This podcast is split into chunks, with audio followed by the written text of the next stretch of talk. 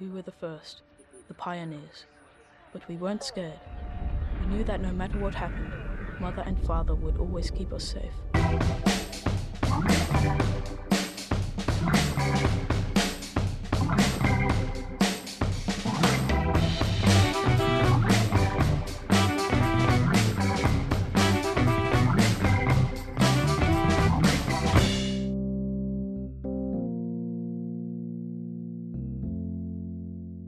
Ostatnio miałem taką rozmowę z żoną, że wydaje mi się, że ludzie, którzy tęsknią za przeszłością, mówią, że kiedyś to było inaczej, że ludzie nie byli sterowani.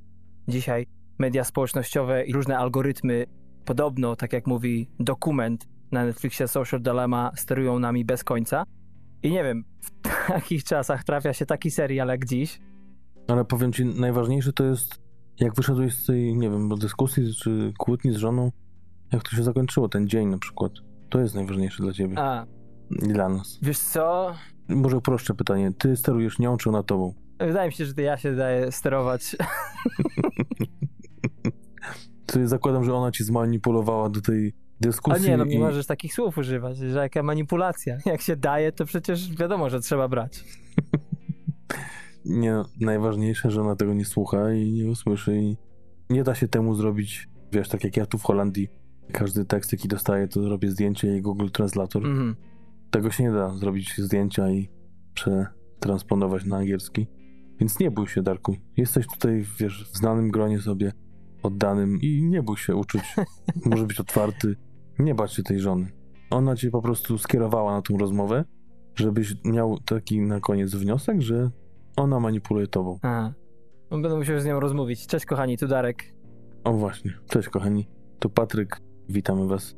A to jest nasz podcast Welcome to It, jak to mówi Mark Maron. Tak jest. No, serial Raised by Wolves, na niego nie natrafiliśmy tak z nienacka, bo o ile pamiętam Patryku, to gdzieś się tobie tam zaczepił w jednym czy drugim googlowaniu, nie pamiętam jak to było, ale ten dzisiejszy wstęp taki wynikający z prawdziwej rozmowy, jaką odbyłem, że jednak no dzisiaj to wszystko, ten taki świat nasz, można powiedzieć, jest pełny, jak to mówią niektórzy, mandroidów, człowieka, który generalnie może nie jest zaprogramowany, w sensie nie ma płytek w swojej głowie z obwodami scalonymi, ale właśnie świat cyfrowy, świat algorytmów nami powoduje.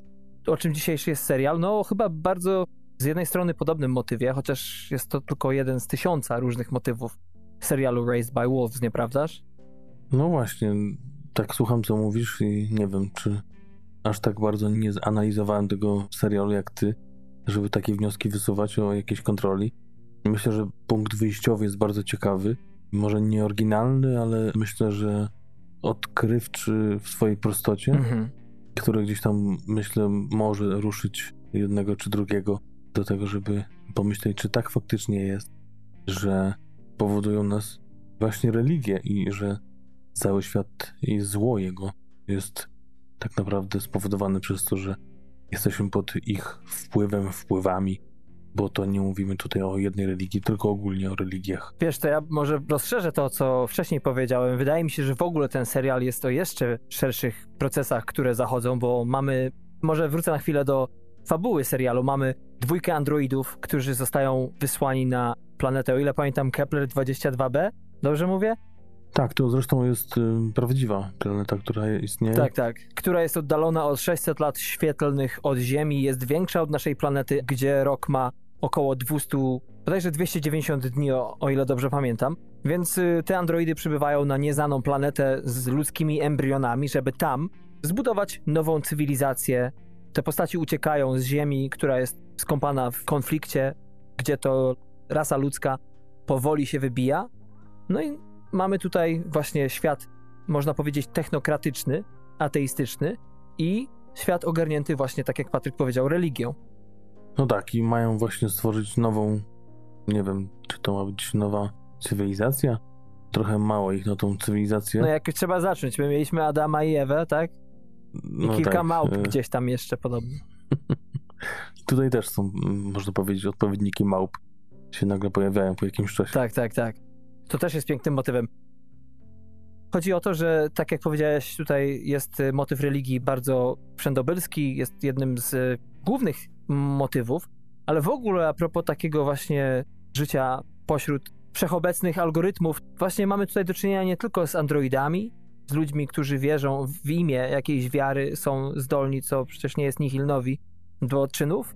I w ogóle wydaje mi się, że to jak zmieniają się na przykład te androidy w tym serialu w trakcie swojej misji, to tak właśnie troszeczkę sprawia, że generalnie chyba algorytm to jest to, co my myślimy, że jest tworem programistów, ale te algorytmy w postaci naturalnej, one już istniały wcześniej i mają się dobrze. To znaczy, ja powiem ci tak i kochani wam też, że bo nie wiem, czy to... Odpływam, tak? Nie, nie, nie, nie, nie. Czy to wychodzi już teraz, czy nie, że polecamy ten serial serdecznie i gorąco. Tak, tak, tak. I moim na przykład zdaniem jedna z takich ważniejszych cech tego serialu, oprócz tego, że obserwujemy jakąś akcję, coś się dzieje i powoli dowiadujemy się więcej o tym świecie, to jednak non-stop jest jakaś tajemnica, jedna, druga, trzecia, które są nierozwiązane i na które czeka się na tą kulminację, na to, żeby się dowiedzieć czegoś więcej.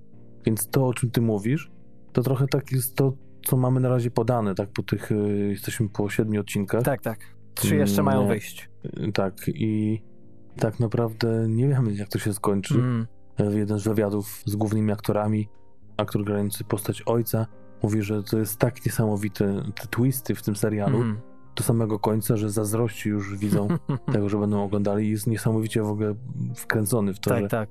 żeby obserwować reakcje, więc zakładam, że dużo będzie tych twistów i to, co teraz mówisz, na przykład, że jest jakaś tam, bo napomknąłeś o tym, że mamy jakąś grupę ludzi, którzy wierzą w jakiegoś, właśnie mm, nazywają go Sol, ale To znaczy, trzeba tutaj nakreślić, że ten kult, ta religia, jakkolwiek bądź, ona się wywodzi z mitraizmu, a to była w dawnym Imperium Rzymskim religia oparta właśnie na mistycyzmie, która istniała sobie tam, miała się dobrze między pierwszym a trzecim wiekiem naszej ery. No i właśnie często to słowo mitraiczny właśnie pada w tym serialu. Nie, no tak, tylko no nawet oglądałem jakieś tam takie rozprawki na temat tego serialu, że dużo rzeczy się dowiadujemy, a dużo nas jeszcze gdzieś tam konfuduje i to, że miesza nam się to i zmienia cały czas z każdym odcinkiem to, kim oni są, Mhm. co nim powoduje. Nagle niektórzy ludzie słyszą jakieś głosy, czy to jest on, czy to jest... No właśnie, czy to są ludzie, tak? Bo, bo, bo naprawdę widać, że tych zmiennych i tych niespodzianek będzie bez liku. Tak. Zresztą sam twórca, kreator serialu, czyli Aaron Guzikowski mówił o tym, że zamysł jest mniej więcej na jakieś pięć sezonów. Zobaczy, jak to będzie się wszystko układało, Mhm.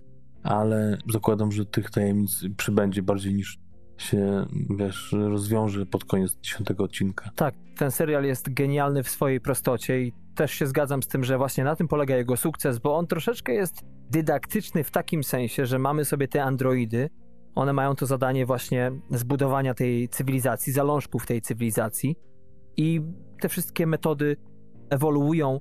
Mamy nie tylko androidów, ale mamy też dzieci, które oni wychowują, jak ta relacja się zmienia i to, co bardzo mi się podoba co jest moim zdaniem naprawdę wartością dodaną, może intelektualnie czasami bardziej niż y, jeśli chodzi o wrażenia seansu, bo ja sam na początku miałem ogromne problemy, żeby się, żeby jednak się dostosować do tego dziwnego troszeczkę stylu gry, można powiedzieć, dwójki aktorów. Nie był to dziwny styl gry, po prostu świetnie te role są odegrane, można powiedzieć, tak sztuczne, jak sztuczne mogą być androidy.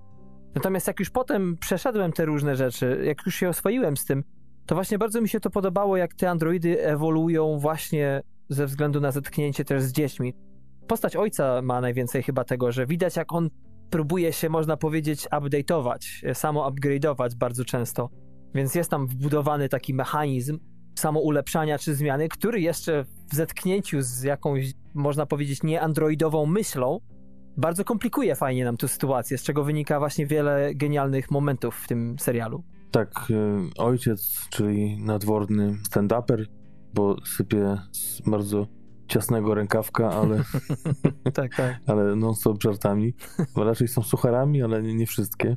To znaczy, on ma takie tak zwane dad jokes, nie? Ale moim zdaniem na poziomie, naprawdę. Przynajmniej neutralne. Nie, no tak, to jakby widać, że to, czy to jest słabe, czy to jest dobre, czy to jest śmieszne, to wszystko jest zaplanowane, tak to jakby nic nie jest przypadkiem, Mm, tak to przynajmniej się wydaje. Mhm. Zresztą mamy niesamowitych twórców tutaj, więc y, Od których powinniśmy zacząć. dokładnie. Tym bardziej, że to nie jest komedia, więc chyba tym bardziej na takie rzeczy się zwraca, jeżeli w dramatycznej historii wrzuca się takie perełeczki, to muszą mieć swoją wagę i swój sens. I tutaj mamy właśnie tego Arona Guzikowskiego, który tak naprawdę jak patrzy się na jego filmografię, to za dużo nie napisał. Mm. Raczej opierał się na innych twórcach czy, czy tekstach. Tak, tak. I nagle tutaj nam się pojawia, oprócz oczywiście Labiryntu, genialnego filmu, oczywiście Denisa Villeneuve, Tak, tak, tak. to mamy taki film jak Papillon z 2017 roku, czy serial e, The Red Road. No tam była kontrabanda jeszcze, przepraszam cię, pamiętasz? Tak, Kontrabanda to właśnie też dokładnie e, remake kolejny, którym opowiadałem jeszcze w czasach, jak byłem na Islandii. Też świetny film, polecam i odcinek, i oczywiście i film. Film oczywiście to Reykjavik Rotterdam w oryginalne, a tu kontrabanda. Tak jest, tutaj oczywiście już z topową hollywoodzką obsadą, z Markiem Wahlbergiem, mm, między innymi w rolach głównych. Mhm. No i mamy takiego pana, który prawdopodobnie gdzieś tam sobie skrawał na boku ten swój scenariusz i wreszcie zainteresował wielkiego Ridleya Scotta, który no swoje CV ma dość ciekawe. Tak jest, no Aaron Guzikowski, tylko tak dodam, że to był facet, który w zasadzie po skończeniu studiów filmowych przeniósł się do Nowego Jorku i nie za bardzo mógł karierę tam zrobić, więc zaczął pisać. On zresztą twierdzi w wywiadzie, że on nie jest ćwiczonym, wyedukowanym scenopisarzem, tylko naturszczykiem, natomiast on sobie właśnie wysyłał różne rzeczy na różne konkursy i tak dalej. No i jeden z właśnie z jego scenariuszy dostał się na tą blacklistę tak zwaną. No i potem jakoś to się potoczyło, że Mark Wahlberg poprosił go o napisanie w międzyczasie właśnie... Tylko to ważne, ważne, żeby powiedzieć, co to jest blacklist. Tak, blacklista oczywiście to są najlepsze niewyprodukowane No właśnie, perełki, które z jakiegoś... tak Pejoratywnie brzmi. Tak jest. Czasami te perełki, tak jak właśnie ten jego scenariusz do bodajże Prisoners, czyli do Labiryntu z Hugh Jackmanem i Jake'em Gyllenhaalem, to był ten, który utknął w tak zwanym production hell, czyli w piekle produkcyjnym. W międzyczasie Wahlberg poprosił o napisanie właśnie, przerobienie scenariuszu Reykjavik Rotterdam. No i chłopak nagle przeprowadził się do Los Angeles i tworzył, można powiedzieć, serial, którego się nikt po nim nie spodziewał. A Ridley Scott, czasami wydaje mi się, że ten gość po prostu to kolejny android, bo nie dość, że w wieku 80 kilku lat swoją energią, werwą i też e, sprawnością umysłową obdarzyłby niejednego młodzieniaszka, to jeszcze facet ten naprawdę nie zwalnia tempa, bo oczywiście ostatnio nie było tych filmów wiele, jeśli chodzi o reżyserię, bo tam Marsjanin, Wszystkie Pieniądze Świata, ale przecież on produkuje non-stop, po 10 pozycji w roku. Ja nie wiem, czy on rzeczywiście macza we wszystkim palce, czy... Tu widać, że tak. Tutaj y, tak, zresztą sam podjął się przecież reżyserii dwóch odcinków, oprócz tego, że jest producentem i to są notabene jego pierwsze fizyczne, można powiedzieć, ruchy, jeśli chodzi o produkcje telewizyjne, bo nigdy wcześniej nie reżyserował nic na telewizji, Tak, tak. więc w wieku, tak jak mówisz, 83 lat, Mhm. no przepraszam, dwóch, bo pan sędziwy Ridley kończy 30 listopada, właśnie 83 lata. Zresztą przeżył swojego brata, też znanego reżysera, chociaż no troszeczkę innego typu kina. Tak, tak. I no, oglądając wywiad z Ridleyem, wyemitowanym niedawno, bo trzy tygodnie temu, myślę, że też nagrywany niedużo wcześniej, widać jak energiczny bardzo jest ten człowiek, jak pełen pomysłu. Te nawet te przyruchy takie, kiedy musi podrapać się po nosie, tak jak ci mówiłem przed nagraniem, to jest niesamowite, z jaką to energią robi. Też na planie, kiedy on mocno się angażował w tę produkcję, robił takie szkice, zresztą on ponoć pochodzi ze szkoły plastycznej, gdzie rysował i teraz nie wiem, czy to pierwszy raz, zakładam, że nie, ale duży podziw we mnie wzbudziły te urywki, gdzie, kiedy on po prostu sobie szkicował jakieś kolejne sceny do filmu i od razu to mówi, tak jak sobie to rysuje, to od razu widzi tak naprawdę nagrany film cały, czy serial, czy scenę. Mhm. To jest właśnie chyba jego największy talent, że on ma świetne oko do różnych rzeczy, nie tylko do projektów, ale już jak za dany projekt się weźmie, czy może to nie tylko wynika z wzięcia się po prostu, ale dlatego, że on widzi już to wszystko, tym bardziej łatwiej jest mu wejść w swoją rolę. I robi to fenomenalnie. Niedawno wyprodukował praktycznie, czy wyprodukuje w najbliższym czasie 14 pozycji. Wśród nich właśnie jest oczywiście ten serial, ale takie będą na przykład filmy niedługo powstaną, mam nadzieję. Nie wiem na jakim etapie są teraz ze względu na pandemię. Jak Śmierć na Nilu w reżyserii Keneta Brany. Będzie serial Blade Runner Czarny Lotos. Film Gladiator 2 ma powstać, jest w preprodukcji, za który właśnie będzie odpowiadał Ridley. The Last Duel Tak, też wygląda ciekawie, bo to scenariusz pary aktorsko-scenopisarskiej Matt Damon, Ben Affleck, którzy oczywiście dostali Oscara za swój debiut Buntownik z wyboru w 97 roku. I tutaj też z sędziwym panem ruszają do pracy, więc naprawdę, no tak jak mówisz, i dużo pracy, i dużo projektów, tak jakby, no gdzieś tam trochę się śpieszył gdzieś. Tak, o dzisiejszym serialu mówi się, że to taki miks obcego z grą o tron. I coś w tym jest na pewno, ale też moim zdaniem nie tylko sporo tutaj jest Matrixa, są te smaczki dobrze nam znane w nowoczesnym, staro-nowoczesnym użyciu, nie zdradzając za wiele i trochę też do Prometeusza tutaj, kolejnego filmu przecież reżysera, chyba ostatniego super udanego takiego, przynajmniej jeśli chodzi o krytykę. No chociaż Marsjanin też przecież się udał krytycznie, tak czy siak. Pierwsza scena zwłaszcza tego serialu, kiedy jest to lądowanie na tej planecie, praktycznie to jest może nie tyle bliźniacza, co mocno podobna scena do oczywiście lądowania Prometeusza. Tak, a potem mamy na przykład y, obcą planetę i sianie ziemniaków to było zadaniem mhm. Mata Damona w Marsjaninie. Tutaj mamy też dużo siania na obcej planecie, tak. więc też podobny y, motyw. Tak jest. Poruszasz rzecz, można powiedzieć, ze świata zastanego, ponieważ żeby rodzina, plemię mogło przeżyć, no to oczywiście trzeba się jakoś żywić. No i właśnie jest troszeczkę tego rolnictwa tutaj można powiedzieć. Też to, co oni jedzą, nie chcę tutaj zdradzać za wiele, więc nie będziemy w to wsiąkać.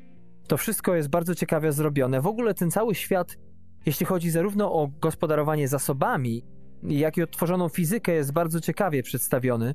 I to właśnie jak to ewoluuje i jak wraz z wiekiem dzieci też zaczynają kwestionować, można powiedzieć, nie tyle kwestionować, co otwiera im się oko na świat swoich rodziców. Jest to jeden z takich pierwszych elementów, kiedy ja miałem takie, a wow, aha, no tak, to jest, tu zobaczymy, być może odkryjemy odpowiedź na pytanie, czy rzeczywiście da się na nowo zbudować świat bez powielania bardzo częstych motywów, które no, są lekko na kontrze do spokojnego współżycia na tej planecie. Mnie to w ogóle, taka to produkcja, rzuciła mi się od razu mm, na myśl, że to jest podobne w takim, nie wiem jak to powiedzieć, może rozwinę, bo słowa to chyba nie znajdę. Nie wiem, czy to jest styl, ale podobny do Marsjanina, czyli mała historia e, w jakimś takim dużym uniwersum. Tak, jest jakaś, tak jak mówisz, planeta Ziemia e, niszczeje, ludzie się wybijają i nagle jakaś para właśnie androidów próbuje odbudować ten świat w innym miejscu i tam skupiamy się właśnie na takim codziennym życiu małej rodziny, wioski, jak to by nazwać. I tak samo w Marsjaninie niby mamy cały świat y, uniwersum tych Gwiezdnych Wojen, ale mamy sobie tutaj takiego oto rzezimieszka, takiego, no można powiedzieć y, uznanego rycerza czy wojownika, który bierze zlecenia za zleceniem i po prostu sobie haruje na to swoje jestestwo, na to swoje życie taki właśnie mały wycinek. Oczywiście potem mamy Baby Yoda, więc to już zakładam zaraz będzie się rozwijało, ale tutaj też to tak się zaczęło. Od takiego malutkiej rzeczy w wielkim wszechświecie po prostu obserwujemy codzienne życie wioski, właśnie problemy. Tak jest, tym bardziej, że im dalej w las, tym tak jak nasz wszechświat zawsze ewoluuje, mówi się, że nasz wszechświat nadal się rozszerza, a nie odwrotnie. Tak samo tutaj z każdym nowym odcinkiem dochodzą nam kolejne elementy całej historii, sprawiają, że po prostu zagadnienia wszelkie w naszym serialu stają się skomplikowane, mocno złożone, bo oprócz właśnie androidów i ich tutaj cywilizacji mamy, no właśnie, czy to są zakonnicy, są to mocno religijni ludzie, którzy opuszczają także Ziemię w celu wyniesienia swoich systemów wartości, swojej cywilizacji dalej. I w pewnym momencie okazuje się, że to jest chyba o jeden most za dużo wtedy. Przynajmniej tak mi się wydaje, nie wiedząc jeszcze, co się stanie w serialu, że chyba już od tego punktu nie ma odwrotu. No tak, też trochę tak mną wzdrygnęło, jak zobaczyłem, że jest taka szansa, że to się gdzieś tam rozwinie, przenosimy się w pewnym momencie w inne miejsce, nie wiem jeszcze gdzie, co to jest, widzimy jakichś ludzi, też jakieś perypetie, mamy nowych bohaterów, którzy dochodzą mm. i widać, że to będzie pewnie w jakiś sposób połączone. Nie mylimy się, zresztą to jest coś naturalne, że gdzieś to musi się połączyć. Nie jest to Tarantino z różnymi scenami w ogóle ze sobą niezwiązanymi.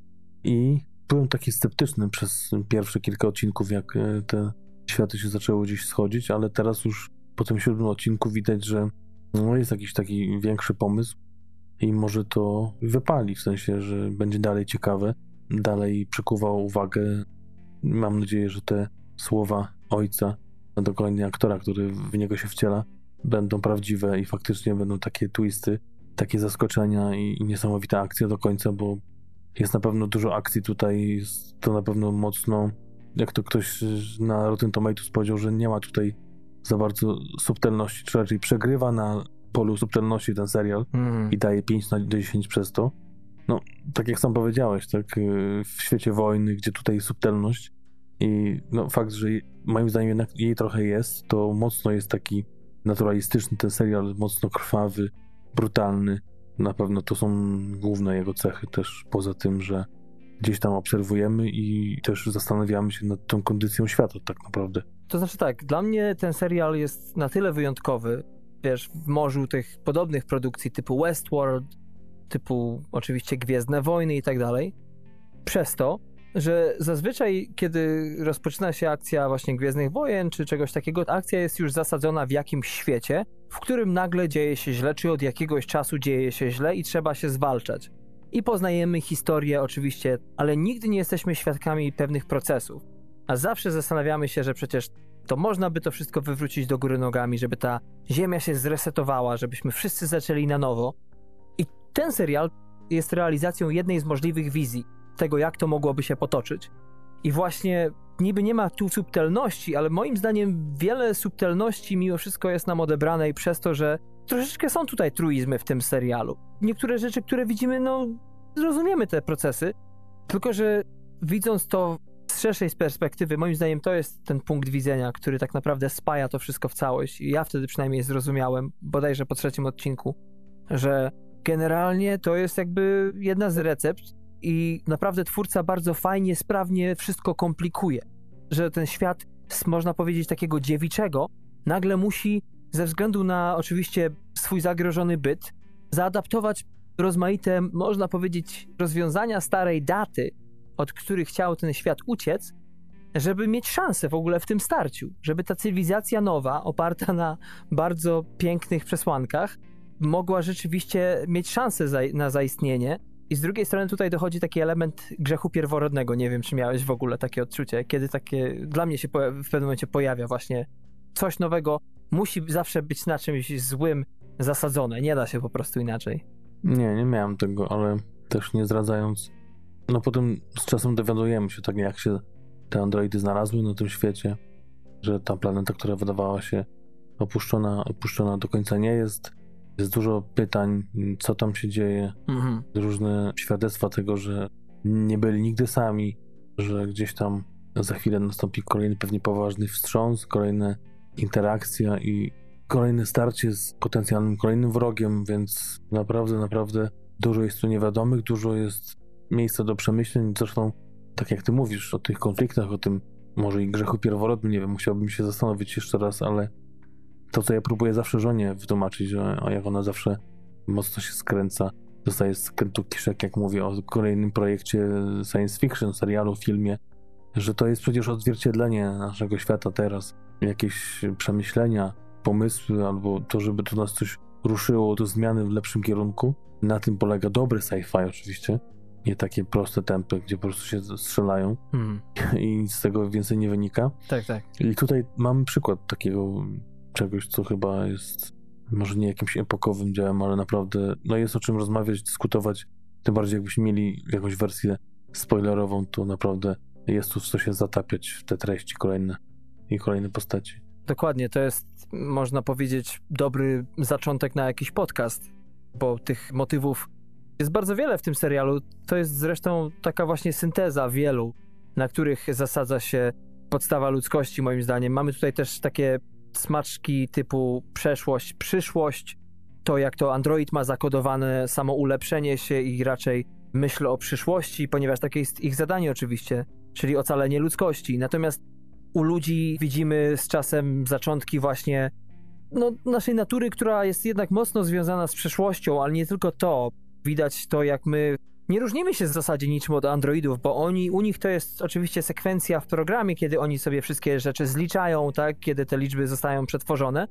A ludzie tacy zwykli, można powiedzieć, jak w tym serialu, u początków tej cywilizacji, jak y, też chcą obliczać sobie różne rzeczy, jak my też chcemy trzymać rękę na pulsie, mieć statystyki, jakieś archiwa i tak dalej. I, i to taka chęć przetrwania jest ciekawa, y, właśnie to, kto przeciągnie linę na swoją stronę.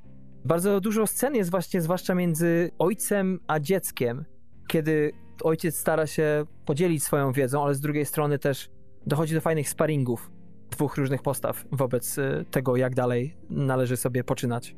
Ja to na przykład taką ciekawostkę dla siebie odkryłem w tym serialu, że jak na przykład mamy taki, no te androidy nasze nie są takie typowe, proste robociki, ale... Nie zdradzając za wiele, ale to, to wyhamowałeś ładnie. Tak, dokładnie, ale właśnie zakładając, że jest to taki prosty robot, mhm. to jeżeli on ma jakiś cel, to on do niego dąży, za jakąś tam swoją niesamowitą zdolnością obliczeniową mhm. wylicza, co musi zrobić, żeby do tego celu dojść i po prostu to wykonuje, tak? Tak. I nie ma zmiany zdania, a u ludzi ta zmiana zdań jest non-stop. Cały czas się zmieniamy, ewoluujemy, czasami kłamiemy, tak? Czasami zmieniamy zdanie, czasami ktoś na nas wpływa, a tutaj mamy czasami właśnie, ja miałem takie momenty, że niezrozumienia dla zachowania tego androida, a potem to się okazywało faktycznie logicznym, dalej stań twardo przy swoim zadaniu i to musi wykonać, żeby zadanie zostało wykonane. I dopiero potem mhm. pomyślałem sobie, no faktycznie, y, teraz to ma sens i faktycznie ona chce, czy on zrobić to, do czego był zaprogramowany. A u nas to, to tak nie działa. To mi się w ogóle to odwróciło, jak sobie zdałem sprawę, że no czym taki android się różni, który jest niewzruszony, który w zasadzie, można powiedzieć, jest uparty. Od ludzi, wielu, których znam, upartych, którzy zdania nie zmienią, wielu jest takich, prawda? I tylko, że u nas to się nazywa upartość, a tu jednak przez to, że mamy świadomość, że jest to skomputeryzowana na swój sposób jednostka, no to tu jest software, tak? Tu nie jest upartość. Dlatego w pewnym momencie właśnie to tworzy jeszcze o wiele bardziej bogatszy obraz tego wszystkiego, jak Android potrafi nawet niechybnie symulować bycie prawdziwym człowiekiem, przynajmniej symulować nasze wady, które my rozumiemy jako odbiorca serialu, bo rozumiemy motywację. To jest właśnie jedna z kolejnych zalet. Rozumiemy motywację naszych bohaterów prawie za każdym razem. A jeżeli nie, to czujemy smród tak samo jak oni. Tak, no i mamy też, oprócz tego, że dla mnie na pierwszy rzut oka tu gwiazd nie było, okazuje się, że jest, no ale to ja nigdy nie byłem fanem Wikingów, a jest Travis Fimmel, australijski aktor, który no jest dość znany, tak jak mówię, nie za bardzo mi, chociaż ta twarz wydawało się znajoma z serialu Wikingowie, czy też z filmu Polegaj na mnie, czy Warcraft początek, to, to już zupełnie nie moje rejony. Mhm. Takie się nie zapuszczam, ale no poza nim to nadal nie kojarzy innych postaci, a myślę, że pana Abu Bakara Salima to jednak zacznę śledzić, bo to jest jaką niesamowitą właśnie tą gęstością i takim przekonaniem, konsekwencją wcielił się właśnie w postać ojca. Jest niesamowita. Zresztą matka też, myślę, że to są takie najciekawsze postacie póki co do tego siódmego odcinka, które no, ciągną ten serial. Chociaż postaci dziecięce też genialne. Może nie wszystkie, ale tych jest aż tyle, że no nie da się rozdzielić porówno wszystkim. Tak jest. E, Amanda Collin właśnie w roli matki to duńska aktorka, chociaż mówiąca perfekcyjnie w akcencie, o ile dobrze pamiętam, to amerykańskim. Natomiast jeszcze chciałbym wyróżnić tutaj po drugiej stronie naszej fabuły aktorkę, która wciela się w żonę postaci granej przez wspomnianego Travisa Fimela, Niv Algar, która jest, e, no tak śledzę, nie widziałem jej w niczym, ale śledzę jej karierę na IMDb i na różnych portalach i rzeczywiście ta pani być może po tym serialu pojawi się coraz częściej, bo to jest jej druga produkcja dla HBO. A właśnie, dzisiejszy serial, jeszcze tego nie powiedzieliśmy, jest na platformie HBO Go. Nie wiem, jak to w Polsce jest, czy to jest... Znaczy, to jest w ogóle zrobione dla HBO Max, ale fakt faktem w Polsce to jest na HBO Go. Tak, także polecamy ten serial tam. Patryku, jak byś podsumował ten serial i jaką byś mu wystawił ocenę końcową? W tych takich mini recenzjach raczej skupiamy się, jak słyszycie, jak słuchacie nas, na takich odczuciach typowo kinofilskich, tak? Mówimy o tym, co nam się podoba. Za bardzo nie rozmawiamy o twórcach, nie zagłębiamy się, ale jednak warto wspomnieć, że między innymi za warstwę tą wizualną odpowiada nasz Dariusz Wolski, który jest zresztą stałym współpracownikiem Ridleya Scotta. Tak, tak, tak. Czy to przy Marsjaninie, czy Prometeuszu. No, wiele razy z nim współpracował. A muzyka to jest pan Ben Frost, który niedawno wywijał swoje piruety muzyczne w serialu Dark, zresztą w trzech sezonach. Tworzył niesamowitą muzykę, także tutaj również y, wszystko gra. I Mark Strainfield, również y, dość znany pan e, odpowiadając za takie filmy jak Amerykański Gangster, czy też właśnie Prometeusz, więc również współpracuje od jakiegoś czasu już z Ridleyem Scottem, o którym powiedziałeś, że ma talent, ma oko. On sam o sobie mówi, że całe życie miał talent właśnie taki, że jak coś zobaczył, to od razu jak jest dobre, to przytulał, że tak powiem. I tak właśnie można powiedzieć, że przez tyle lat raczej się nie parał z scenariuszami, a wyłapywał te wspaniałe i takie filmy jak przecież taki rozstrzał, a tak jak Telma i Louise, Gladiator, Obcy, no i właśnie Marsjanin, no niesamowite zakamarki, w których się ładuje i ten swój talent y, nam przez lata ukazuje na niesamowitym poziomie, to to wszystko moim zdaniem gra, a tutaj jeszcze widząc, że on naprawdę się zaangażował w to nie tylko od strony producenckiej, no bo również autorem scenariusza nie jest, ale te wszystkie pomysły na różne na przykład y, namioty, które tam się pojawiają, to wszystko są jego też pomysły, rozwiązania techniczne. Naprawdę to wszystko y, gra i widać świeżość, na pewno nie 83-latka, tylko dużo młodszego pana. To w naszej skali do 15 to takie daje 14 i to tylko dlatego, że nie skończył się ten serial, ten sezon. Zobaczymy, jak to będzie do 10 odcinka, ile się wyjaśni i które pomysły tak naprawdę były bez sensu, a które rozwiązania po prostu były logiczne i te, które rzeczy się nie spinają, to jednak na koniec okaże się, że to wszystko miało sens i będzie to jedną wielką, wspaniałą całością. Także dla mnie, no takie mocne 14 na 15, świetny. Nie dla każdego, Darku, może zaraz powiedziałeś, że to i tak samo odradzasz, jak i polecasz, to myślę, że to też oddaję teraz tobie głos, co ty o tym sądzisz. To znaczy, jakby miało odradzić, nie odradzę, broń Boże, ale mówię, jest kilka rzeczy, kilka momentów, kiedy czuję, że okay, tutaj troszeczkę przyspieszamy z jakąś akcją, być może to nie wpisuje się w dotychczasowy klimat tego, co widziałem mm, i ta dydaktyczność też po jakimś czasie troszeczkę już traci na świeżości, ale mimo wszystko jest to nadrobione kolejnymi komplikacjami rzeczywistości naszych głównych bohaterów po obu stronach. Znajomym, którzy pytają się mnie, o czym jest ten serial, nigdy nie potrafię odpowiedzieć tak naprawdę, bo zarówno jest to przyszłości, ale też tak naprawdę ukazuje on procesy, które i działały w przeszłości i pod wieloma względami dzieją się nadal na Ziemi i być może od których nigdy nie będziemy wolni i, i też pokazuje mi często właśnie, jak to rzeczywistość nie znosi próżni i każde coś, czy to jest system polityczny, czy właśnie religia, państwo, cokolwiek, musi być prędzej czy później czymś zastąpionym, niekoniecznie lepszym. Trochę taki serial proroczy, wydaje mi się, patrząc na i dzisiejszy świat i to, że cel to jedno, a środki drugie, ale no cóż, wydaje mi się, że też takie 13,5-14, może na 15, też jestem ciekawy tych ostatnich trzech, jak to zakończy się i jak ten serial, tak jak powiedziałeś, planowo ma być 5 sezonów, więc jaki setup zrobi drugiemu sezonowi. Fajnie, fajnie, bo wydaje mi się, że jednak trochę górnolotnie może to zabrzmi, ale mi się wydaje, że ludzkość nigdy nie odrabia lekcji z historii i to jest właśnie najlepszym dowodem na to. Hm. No oficjalnie już kilka dni temu, tydzień temu równo potwierdzono, że powstanie na pewno drugi sezon. Wiadomo jak to jest z tym, czy będzie kontynuowany, czy nie. Tak. Zawsze można kliknąć w guzik i się skończy. Dokładnie, i potem na prędce skręcać jakiś finał, żeby to miało ręce i nogi, a przynajmniej rączki i nóżki. Mm. Tutaj też bardzo ciekawe w wywiadzie z głównymi aktorami było, że chcieli pociągnąć właśnie za język Gozikowskiego.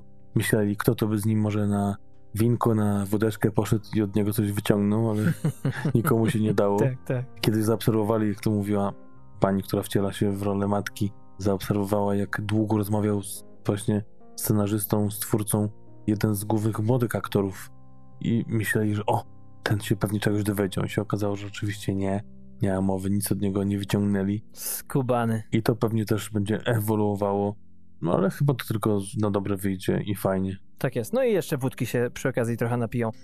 Kochani, y, polecamy się na przyszłość. Dziękujemy za to, że jesteście z nami, że wysłuchaliście nas do końca. Oczywiście polecamy nasze strony w mediach społecznościowych. Na Facebooku i Instagramie jesteśmy pod aliasem TMF Podcast pisane razem. Na Twitterze TMF dolny podkreślnik podcast. Nasza strona domowa to oczywiście www.tmfpodcast.com a słuchajcie nas i oglądajcie, chociaż to oglądajcie to. No może nie, ale na YouTubie jak chcecie posłuchać to voila. to będzie stały obraz, czyli okładka naszego odcinka. To i jesteśmy na YouTubie, oczywiście na Spotify, na wszelkich aplikacjach, Lektonie. Tylko z lodówki jeszcze nie wyskakujemy, ale Tak za tydzień może być aktualizacja lodówek i wtedy już się pojawimy. Dokładnie. I fikumiku, kochani, trzymajcie się ciepło i do usłyszenia w kolejnej audycji TMF-u, czyli Transkontynentalnego Magazynu Filmowego. Miłego tygodnia, trzymajcie się. Pa.